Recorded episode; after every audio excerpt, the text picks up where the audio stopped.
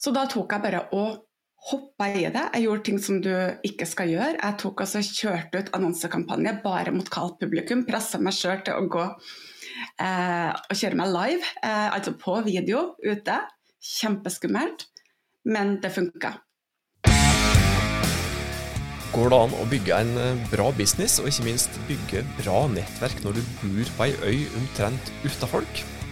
Det skal du få svar på straks, når vi får besøk av Hege Kristine Brunsvik, som skal dele både erfaringer fra bedriftsreisa si så langt, og ikke minst eh, dele noen motiverende og gode råd som jeg vet du vil sette pris på, uansett om du jobber i en fersk startup eller ei veletablert bedrift.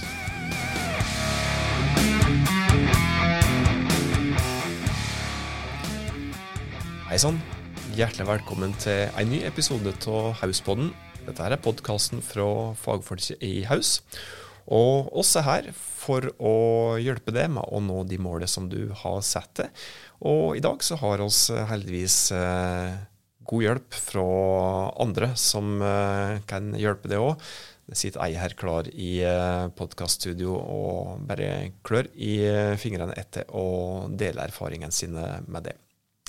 Jeg heter Tormod Sperstad. Si tusen takk for at eh, du hører på nettopp eh, Hauspodden. Velkommen til Hauspodden, Hege Kristine Brunsvik. Tusen takk, Tormod, og hjertelig takk for at du har meg her som gjest.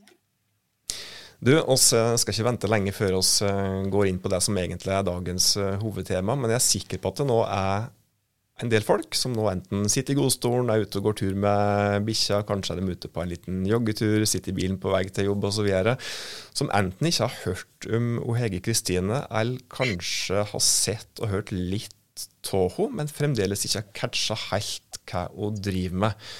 Så første spørsmål til det må jo bli hvem er egentlig Hege Kristine, og hva driver hun egentlig med?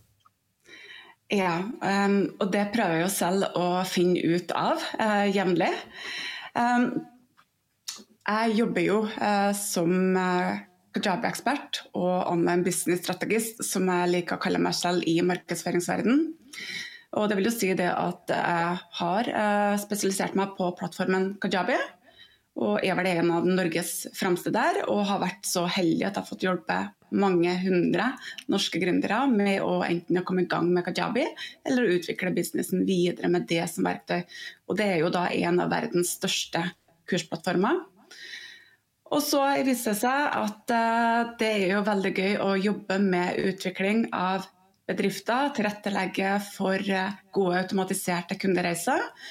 Og da er det jo klart at en beveger seg videre opp mot det strategiske og ser hvordan en kan få eh, ønsket til folk om å drive en god bedrift, treffe målgruppa si, utnytte det potensialet som ligger i de verktøyene, sånn at de kan få en eh, mer fleksibel hverdag. Så det her er jo ting som har utvikla seg eh, gjennom jeg tror det er ca. to og et halvt år siden jeg holdt mitt første kajabi-relaterte kurs. Så det har vært ganske heftig, heftig gründerreise. Eh, litt utmattende, eh, energigivende og veldig, veldig gøy. To og et halvt år, du kaller det heftig sjøl, og litt utmattende og energigivende på, på, på, på, en gang. Jeg skjønner med en gang at dette her har vært ganske så mye. Kan du ikke beskrive litt den reisa som har vært fra, fra starten fram til i, i dag? Litt like stutteform at du skal prøve å konsentrere seg to, eh, to ja. og et halvt året på kanskje to og et halvt minutt? Ja, altså Det første, når du eh, havner Fordi at jeg er selvlært. Jeg har ikke noe utdannelse som jeg kan bruke i det her. Slik at jeg hadde erfaring fra det å alltid være teknisk oppegående. Og alltid likt å hjelpe andre. Og så snubla jeg over den såkalte berømte nettbusiness, online business. Og så tenkte jeg ok, men hvordan kan jeg pakke meg selv inn i det her? Jeg hadde erfaring fra nettbutikk, vet jeg er dyktig på å lære bort tekniske begrep til andre, slik at de faktisk forstår det. Og tenker ok, men jeg vil gjerne hjelpe å komme, få andre til å lage seg selv en garasjebedrift. Det var det jeg tenkte jeg skulle gå inn med. Og så oppdaga jeg ok, men eh, annonsering det er òg noe som jeg kan eh, hjelpe til med. Og så endte jeg opp med å velge plattformen Kajabi. Og jeg tok den ganske lett og oppdaga eh, gradvis at det var det kompetansen som folk ønska når de kom til meg. Så det her var jo noe som jeg oppdaga når jeg var i dialog med andre, for jeg hadde jo etablert meg på Instagram. At det var den kajabi-kompetansen som folk kom til meg for å få hjelp med. Så da tok jeg bare og hoppa i det. Jeg gjorde ting som du ikke skal gjøre. Jeg tok altså kjørte ut annonsekampanje bare mot kaldt publikum. Pressa meg sjøl til å gå eh, og kjøre meg live, eh, altså på video ute.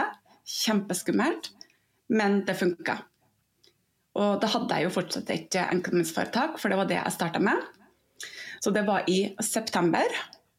Og 31.12. så sto jeg med 30 000 i pluss, som naturligvis da gikk over til å starte AS-et.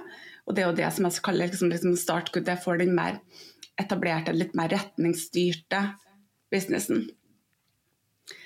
Uh, og så har jeg da etablert et uh, medlemskap hvor jeg kunne fange opp de medlemmene, eller de kursdeltakerne som jeg hadde inne i Kajabi-kurs. De tok meg med over da i en eh, medlemsportal, digital medlemsportal, slik at jeg kunne fortsette å gi verdi der, men samtidig ha et sted der jeg kunne eh, pakke hele meg inn og utforske hvilke områder er det jeg liker å levere på, hva er det som resonnerer tilbake til kundegruppa, og hva er det jeg kan få tilbake av dem som gjør at jeg kan utvikle produkter og tjenester bedre. For du sitter, Når du har en digital medlemsportal, så sitter du rett og slett i smørøyet. Um, og det har vel egentlig vært den grunnlaget for den veien som gradvis blir til mens jeg har gått. Um, ja. Det, ja. det, er vanskelig, det er så mange ting, så det er litt vanskelig å peke på som direkte retningsgivende. Mm. Um, du nevnte det at, uh, at, folk kom til det for å få for å lære mer om uh, kajabi. Ble det liksom nesten by accident at det ble starten på reisa di? Ja, jeg vil si det, egentlig. Fordi at det endte opp bare med å bli en eh, kom til en plattform som var så intuitiv og lett for meg å se. Eh, og det å få lov til å hjelpe andre, det var noe som ga meg et aha. Og så er det jo det at eh, med å gå den retninga, så åpner jeg opp til en ganske stor kundebase. Det vil jo si at det er den største plattformen som er der ute. Og på kort tid så klarte jeg jo å posisjonere meg ganske bra, både i det norske, men òg det internasjonale eh, markedet, på å eh, ikke bare de små eh, tekniske, hvordan du setter opp en side, hvordan det, men det handler om hvordan systemet er lagt opp med de automasjonene og det automatiserte kundereiser. Så det er lett å oversette, da, sånn at vi får um, den visualiserte kundereisa inn i det tekniske flowen. Det var starten, eh, og nå veit ikke hva tid dem som hører på en podkastepisode egentlig hører på. Det er nå er rett etter lansering en eller annen gang på vårparten i 2023, eller senvinteren 2024 for, for den saks skyld. Mm. Men i hvert fall når vi spiller denne podkastepisoden her, så, så ja, Du har selvsagt vært i utvikling hele veien, skjønner jeg, når det har skjedd såpass mye på to og et halvt år. Men uh, akkurat nå så er du i litt slik uh, brytningstid her, skjønt. Hva er det som, uh, som har skjedd i businessverden til Hegge Kristine nå? Ja, det som er, det er at jeg har hatt en veldig Som når du er i oppstart av bedrift, så er det slik at du ofte jobber som VA i tillegg, fordi at du trenger en stabil inntekt. For Det handler jo hele tida om å ha nok, sånn at du kan drifte og skalere. Og da har jeg vært så heldig å jobbe med en fantastisk dyktig administrativ VA.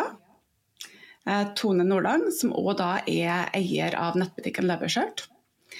Og når hun avslutta et uh, jobbforhold, så kom hun til meg og så sa det, du, jeg har en idé. Jeg har tenkt på det her. Hva sier du? Uh, og det hørtes uh, ganske interessant ut. Så um, vi ble enige om å la ting ligge på is. vi møttes i Oslo den 7. mars.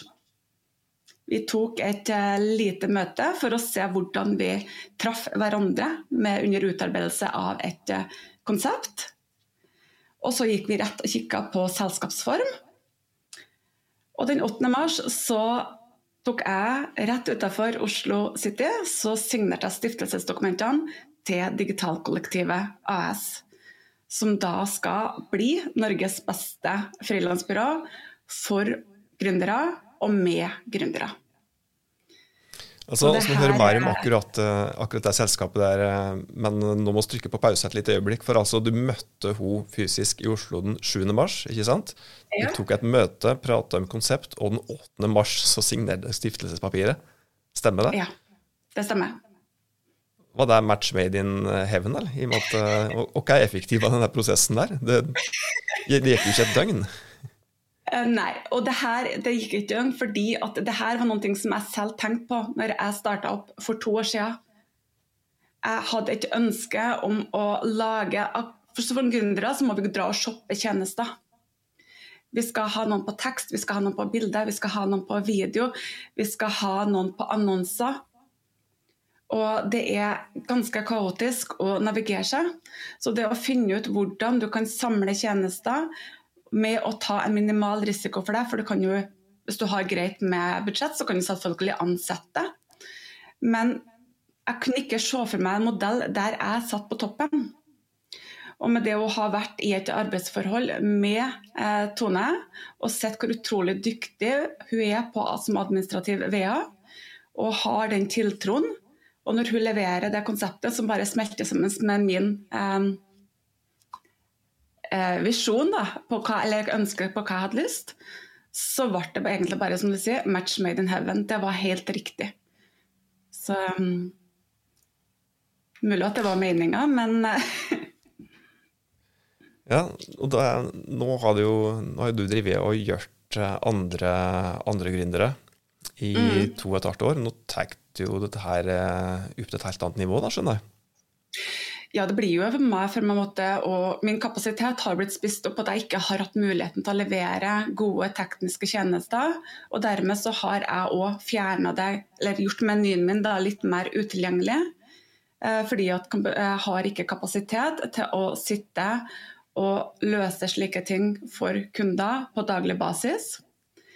Og det å ha en trygg plass å sende andre, for jeg har fått forespørsler om kan du ikke lage en liste over personer som du verifiserer, som du sier er gode nok, slik at jeg kan få en copywriter, slik at jeg kan få noen på podkastklippinga mi. Og nå har jeg det. Eh, det er riktignok ikke i det samme firmaet, men jeg har muligheten til å sende kundene mine til en plass der de trygt vil bli ivaretatt. De får én plass å forholde seg til, og de kan shoppe de tjenestene som de, som de trenger da, i utviklinga videre. Så for meg så vil det her frigjøre kapasitet, og jeg vet at uh, kundene får det de trenger. Jeg mener jeg husker at uh, tidligere når vi uh, eh, starta innspillingen av podkastepisoden her, så nevnte du noe om å hoppe i det og kanskje gjøre ting som du ikke var helt trygg på. Hvor viktig er det egentlig å, å, gjøre det? Dette her som du nevnte nå, er kanskje et eksempel på det, men uh, men å hoppe um, i det Ja. Du blir aldri klar. Uh, absolutt aldri klar. Fordi at det alltid Altså, det perfekte eksisterer ikke. Det perfekte er bare en illusjon som vi har i bildet vårt. Og det som er viktig å huske, er at det bare vi er, bare vi som vet hva vårt ideelle, vårt perfekte visjon er. Det andre, de ser det ikke. Uh, slik at når jeg hopper i det, så får jeg ofte høre at det her virker veldig planlagt og det virker strategisk. Men det er bare brikker som faller på plass, og jeg vet at vi må liksom bare hoppe uti. Vi må bare lære oss å svømme. Altså, hva er egentlig det verste som kan skje? Det er liksom overordnet her. Til hva er det verste som kan skje? Vi kan floppe, selvfølgelig. Det har jo fått med oss en kjempefin lærepenge. Men um, jeg kan faktisk ikke se noe risiko med det. Jeg kan tape litt ansikt, men det skal jeg, det skal jeg tåle. Uh, nei, hva er det verste som kan skje? Så det er kanskje et spørsmål som en bør stille seg, da, nesten uansett. Uh, hvis du vurderer å starte opp, uh, ja, starte opp noe nytt, starte opp noe mm. som du definitivt ikke har gjort sjøl, enten det er ja, for deg sjøl eller, eller, sammen med andre. Eller mm. kanskje, ja, kanskje en ny tjeneste òg. Eh, hoppe i det og Ja. stille spørsmålet hva er det verste som kan skje? Ja, altså ikke be om råd ifra andre som eh, Skal du be om råd på, om trening, så skal du ikke spørre en som foretrekker å ligge på sofaen og spise potetgull. Eh, spør om råd fra mennesker som faktisk har gjort det. Eh, ikke nødvendigvis be, spør partneren din om råd, syns du at jeg skal gjøre det her? Jeg spurte ingen. Det eneste dialogen som skjedde her, det var mellom meg og min nå-partner.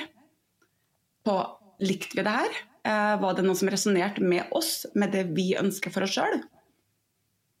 Og så fortalte jeg til mannen etterpå. Og da var responsen Kult! så bra. Ja. Altså to og et halvt år så langt, men um, du har vel gjort deg noen erfaringer? Det er mye som har skjedd. Hva er det viktigste som har ja, viktigste erfaringer som du tar med deg videre nå, uansett hva veien går? Det er nettverk. Uten tvil. Det å bygge nettverk med eh, dyktige støttespillere, med dyktige bransjekollegaer, med dyktige såkalte konkurrenter. Med mennesker som løfter deg, mennesker som tør å si deg imot. Det er nettverk, og selv om de fleste nå jobber i stor grad digitalt, så det å møte andre ansikt til ansikt, det er fantastisk. Det gjør at du ikke føler deg så alene. Du er eh, Du føler deg mye mer normalisert når du snakker med andre som har de samme utfordringene som deg. Og du har så mye Ja. Før vi trykte på rekk på en podkastepisode her, så prata vi litt om hvor hver en av oss egentlig kom fra, hvor eh, bodde. Og jeg trodde jo kanskje det at det var relativt grisgrendt der jeg bodde. Eh, Men der du bor akkurat nå, så er det jo færre innbyggere enn det det er i Skjåk, der jeg oppholder meg i podkaststudio akkurat nå, i hvert fall. Eh, Hva annet er det å bygge nettverk på en, på en så liten plass? Hva annet eh, gjør du det i praksis? Um, jeg bor på ei øy som eh, nå har 84 innbyggere. Og jeg kjenner ikke halvparten engang, fordi at eh, det er her ute så er det ikke noe som nettverk. Vi har mange eldre. Det er, folk har sitt. Og det er òg kulturen eh, i stor grad her ute. Men så det å få lov da til å eh, være på nett, det å eh, møte andre, det å få lov til å kunne reise ut og delta i ulike events, det har betydd utrolig mye for at jeg faktisk skal klare å være rolig her jeg er nå. Eh, fordi en blir litt sånn rastløs når eh, det er ja, du ikke ser så mye mennesker til daglig. Så det å ha nettet har gjort at jeg forholder meg ganske sein. Det var nettverk. Um, og så prater vi om dette her å, hoppe i det, blant enda, som mente flere Mm. ting. Men er det noe du kunne tenkt deg, en erfaring som du har gjort det, som du kanskje kunne tenkt deg å være foruten i løpet av den reisa som du har hatt eh, så langt? Eller noe som du vet i dag, som du skulle ønske at du visste når du begynte? Ja, eh, absolutt. Og det er, det er jo egentlig to ting. Det ene er at du må faktisk tillate deg å være ganske egoistisk for å kunne følge drømmen din, eller det å jobbe helhjerta med businessen. Du må tillate deg å ta valg som ikke, kanskje ikke er så populære hos venner og familie, fordi at du må levere. Om det er regnskap, om det er prosjekter. Um, og så er det det med viktigheten av å ha gode kontrakter. Det å gå inn i ethvert forhold med å faktisk definert hvordan det her forholdet skal se ut på papiret. Sånn at vi har noe å gå på om vi blir uenige. Noe som begrenser eventuelt lengder på pakker. Eh, hvordan vi skal håndtere konflikter. Og det er jo det som jeg ser nå at der jeg er nå i dag, at jeg skulle ønska det at jeg fra første stund lærte meg viktigheten av å ha samarbeidskontrakter. Det, det tror jeg det er mange som eh, sitter der ute og har opplevd konsekvensene av at ting ikke går som planlagt. Og det trenger ikke nødvendigvis å være den som du samarbeider med, det trenger ikke nødvendigvis være deg, men det er bare det at dere har ikke vært tydelige nok. Dere har ikke definert forholdet godt nok. Og da kan det oppstå litt eh, klinsjer, og det har det jo selvfølgelig gjort. Og det er noen ting som jeg absolutt skulle vært foruten, og jeg vet at det kunne vært mildere om vi hadde en kontrakt på plass som har definert både min posisjon og den samme, eller kunden sin posisjon. Vi starta med å, med å, eller Du nevnte det nokså tidlig i, i episoden at eh, det resten starta som en litt tilfeldighet. At det ble eh, det praktiske opplæring rundt Kajabisen du skal starte med. Eh, betyr det mm. at du ikke har hatt noen planer som du har jobba med? At du har gjort, ja, tatt ting som de har kommet underveis? Eller har du hatt et, et rammeverk, en, en overordna strategi å, å forholde deg til? Uh, når jeg starta, vil jeg jo si at jeg egentlig bare snubla inn i det. Og jeg har brukt ganske mye tid på å finne ut uh, hvor jeg ønsker. Jeg har tenker ca. seks måneder fram i tid uh, på hvor jeg ønsker å være om seks måneder, hvor jeg ønsker å være om seks måneder. og fordi at en av tingene jeg har innsett, så er det at ting endrer seg så raskt at hvis jeg planlegger for hvor jeg skal være om ett år, så er det større sjanse for at det ikke ser slik ut. og da så seks år om gangen, det er akkurat passe. Men ja, jeg har hatt en sånn uh, overordna uh, plan, men jeg trodde det at jeg skulle være bruke lengre tid da, på hvert nivå før jeg bevegde meg videre. Um, så jeg ser jo det at jeg har en tendens til å bli litt rastløs når jeg jobber med ting. Jeg ønsker å forflytte meg enda litt framover, enda litt framover, enda litt framover. Så jeg må jo ofte stoppe meg selv og tenke at ok, men nå skal du ha fokuset her. Du skal jobbe med det her i tre måneder, og så får du lov til å ta et nytt valg da på hva du gjør neste. Uh, utover det så har jeg ikke hatt noe annet enn en sånn treårsplan for uh, selve AS-et. Der uh, jeg har lagt en sånn litt sånn bærekraftig strategi. Um, og Så får vi se hvordan det går. Jeg er ganske åpen. Jeg vet hvor jeg ønsker å bli. Eller ønsker å være om fem år. Og um, så får jeg se hva jeg fyller uh, de årene med for at jeg skal nå det målet. Hvis du strudler ut eh, planverket, skal ikke, skal ikke tvinge deg til å røpe, røpe det du sa nå om hva du sjøl ønsker å være om fem år. Men eh, ja Hvordan ser du at, eh, at tida framover vil bli, spesielt nå når du har starta et nytt aksjeselskap òg? Hvordan vil arbeidsdagene se ut for Hege Kristine om, om i hvert fall et par år? da? Ja, eh, jeg har jo brukt veldig mye tid i det siste med å tenke på hvordan jeg skal strukturere tida mi for å ikke jobbe flere timer. Eh, så da blir det jo Og jeg er jo så heldig at jeg faktisk har eh, en ansatt. Og jeg ser jo at det er mulig at jeg må utvide om ei stilling til, eller om utvide eksisterende stillinger fra høsten av for å faktisk ha, opprettholde kapasiteten. Eh, så det å ønske om å utvikle min egen bedrift samtidig som vi utvikler Digitalkollektivet, så har jeg egentlig ikke landa på hvordan den eh, balansegangen skal være. Eh, det har jo òg med inntjening å gjøre. Hvor er det mulig å hente inn mest på det? Fordi vi vi må jo tjene penger. Eh, vi er jo selvfølgelig her for å hjelpe, men vi vil tjene penger. Og det er jeg ganske ærlig på. Så jeg ser jo det at uh, digitalkollektivet trenger jo nå en fase på uh, i hvert fall to år. For at vi kan få det dit at vi kan senke skuldrene våre litt. Og da må jeg i mitt eget selskap. Finne ut hvordan kan jeg tilpasse det, sånn at jeg kan legge den aktive innsatsen over på digitalkollektivet.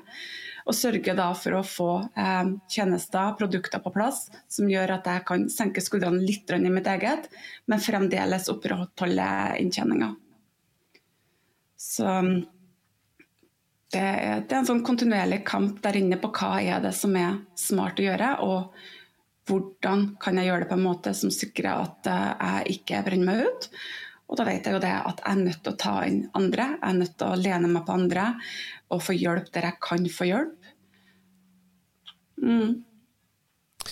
Utvilsomt spennende tider som, eh, som jeg møter for det fremover, skjønner jeg. Virkelig. Du, du, har gjort, eh, du har gjort det sjøl med å starte en business, og starte en business til nå. Og du har gjort ikke minst eh, flere hundre andre som, mm. som har en business over sikkert både små og store bakketopper i løpet av bedriftsreisa si. Hvis du skal prøve å runde av her nå, og du skal komme med ja, noe som er ekstra motiverende for kanskje spesielt bedrifter som nå sliter i en motbakke som de kanskje ikke ser helt hvordan de skal komme seg over. Etter råd vil du gi dem slik avslutningsvis? Jeg vil eh, si det at uh, ofte så er det mer å hente på å gjøre det vi kan enda bedre, og forbedre eksisterende produkter. Og ta til seg feedback fra kunder, målgruppe, til å maksimere de produktene som allerede er til stede, framfor å være innovative og hoppe i noe nytt og ukjent. For altfor mange tenker at de må utvikle et nytt kurs, de må utvikle et nytt produkt, og så glemmer de det potensialet som ligger i det de allerede har, og som da er selvfølgelig mye mer lønnsomt å utvikle. Så bra. Det um, er jo egentlig litt i samsvar med det som oss har lansert litt som et uh, ja, ikke et hype-ord tidligere i Hauspodden, Eh, så har begynt å bruke et ord som heter hverdagsinnovasjon. Eh, der det ikke nødvendigvis handler om de store, revolusjonerende nye tingene. Men det å innovere er jo egentlig per definisjon bare å, å skape ny verdi, å skape mer verdi. Uh, og slik sett så er det jo helt korrekt det som du sier, å se på hvordan du kan skape mer verdi med, med, det som du har fra før. Mm. Tusen takk for at du besøkte Hauspodden, Hege Kristine Brunsvik. Og tusen takk for at jeg fikk være gjest her. Fantastisk inspirerende å høre erfaringene dine, Hege Kristine. Da skal vi til veis ende i denne podkastepisoden her. Hvis du tykte at dette her var såpass inspirerende at uh, du syns at andre òg bør la seg inspirere, dette er noe som andre kan ha nytte av, så blir vi glade hvis du deler det glade budskap med andre.